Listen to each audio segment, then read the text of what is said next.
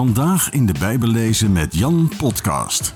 In de beproevingen die Jezus voor zijn kruising onderging, waren zijn leerlingen er voortdurend voor hem geweest. Ze ondersteunden hem als hij dat nodig had. Ze brachten eten en ze hebben voor hem gebeden. Ze waren er voor hem. Een van de belangrijkste tactieken van de duivel is het isoleren van christenen. Zoals wolven schapen uit de kudde drijven, zo is het kwaad bezig om ons af te scheiden van anderen. Alleen ben je kwetsbaar. Jezus wist dat. Zelfs hij had mensen nodig die om hem heen stonden.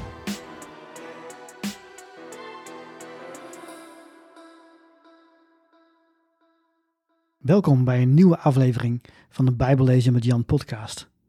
Op dit moment bevind ik me in het buitenland en ik neem dit in een hotelkamer op. Dus het geluid kan iets anders klinken dan je van me gewend bent. Maar ik wil het graag met je hebben over het geheim van vervolgde christenen. Een paar jaar geleden had ik regelmatig contact met een geheime gelovige die naar Europa was gevlucht. Ze had haar rijke moslimfamilie en haar christelijke man achter moeten laten en was behoorlijk depressief. Het wachten was op een visum voor haar echtgenoot. Haar problemen zouden voorbij zijn als ze weer moslim werd, maar toch besloot ze om christen te blijven. Hoe hou je het vol? vroeg ik. Omdat ik diep van binnen een intense vreugde voel die ik niet kan verklaren, antwoordde ze. De afgelopen tijd ben ik Gods woord ingedoken om te kijken naar de rol die vervolging en onderdrukking voor Gods kinderen daarin speelt.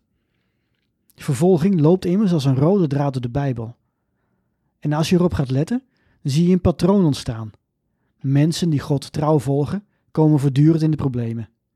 Niet ondanks hun geloof, maar dankzij hun geloof. Eerst keek ik naar de vervolging van Jezus. Dat deed ik vraag gestuurd.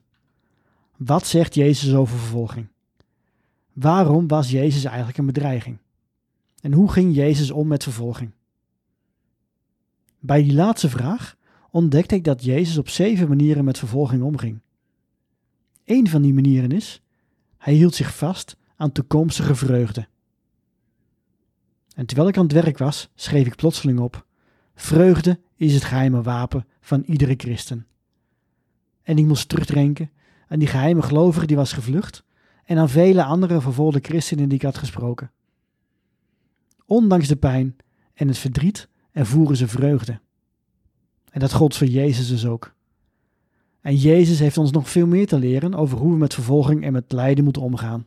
Daarom heb ik besloten om de les zeven manieren waarop Jezus omging met vervolging met al mijn lezers, cursisten en luisteraars te delen. In het vervolg van deze podcastaflevering zal ik je die les laten horen. Wil je graag alle lessen van Jezus over vervolging lezen of luisteren? Als je geïnteresseerd bent in deze cursus, kijk dan in de beschrijving van deze aflevering. Daar vind je een link om je in te schrijven voor deze cursus. Ik wens je veel zegen bij het luisteren van deze les. De zeven manieren waarop Jezus met vervolging omging. Meestal lezen we in mijn challenges en cursussen één of meer korte teksten in de context van het grote verhaal dat God aan het vertellen is. In deze les doen we dat iets anders. We gaan sprongetjes maken door het Nieuwe Testament om te kijken hoe Jezus met vervolging omging. Hoe reageerde hij op vervolging? In ieder geval op zeven manieren. De eerste is, Jezus reageert met wijsheid. Matthäus 22 beschrijft een van de vele confrontaties met de fariseeën. Ze gebruiken een typisch menselijke tactiek om Jezus in de val te lokken. Een strikvraag. Matthäus schrijft, Nu trokken de fariseeën zich terug om zich erop te beraden hoe ze hem met een uitspraak in de val konden lokken. Ze stuurden enkele van hun leerlingen samen met een aantal Herodianen naar hem toe met de vraag: Meester, wij weten dat u oprecht bent en in alle oprechtheid onderricht geeft over de weg van God. We weten dat u zich aan niemand iets gelegen laat liggen. U kijkt immers niemand naar de ogen.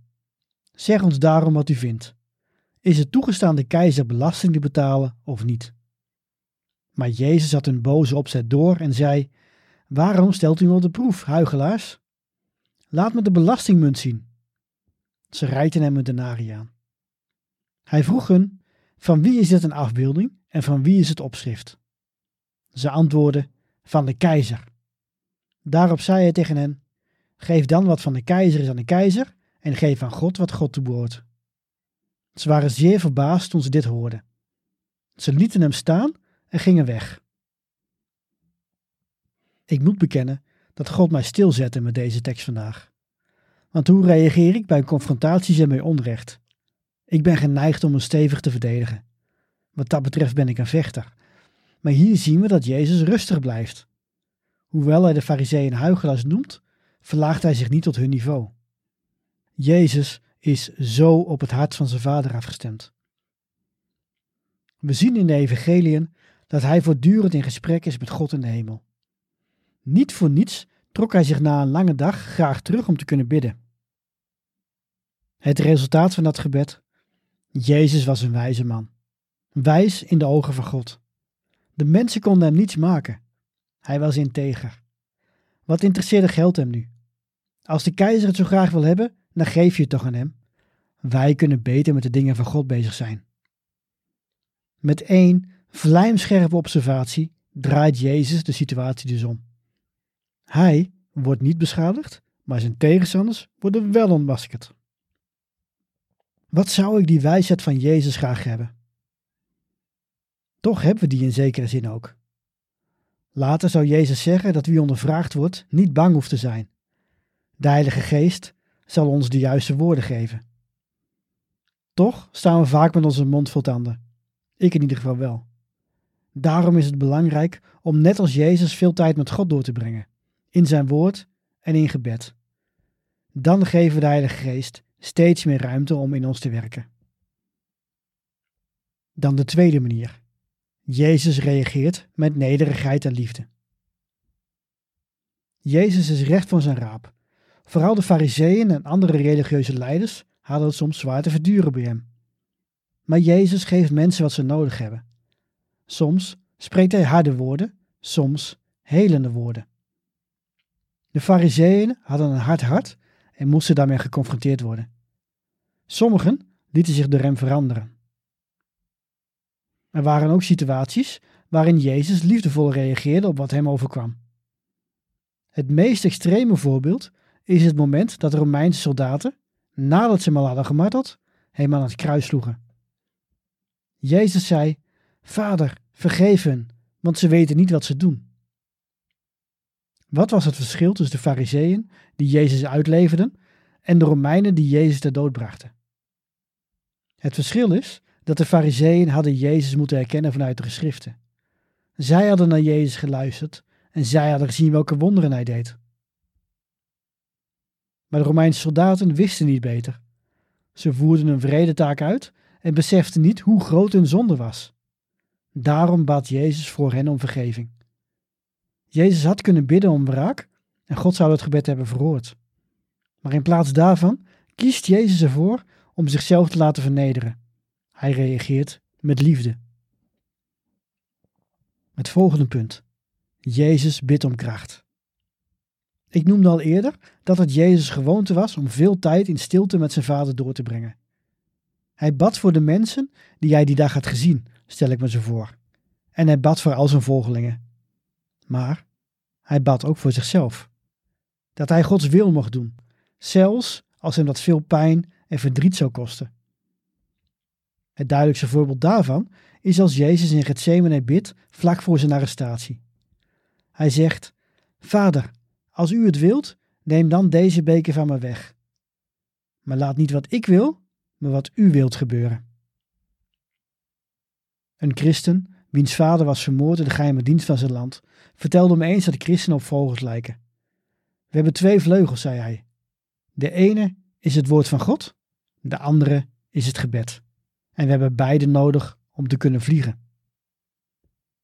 Gebed geeft kracht. De volgende manier is leer van het koninkrijk van God en houd vast aan de beloning. We keken hier al in een eerdere les naar.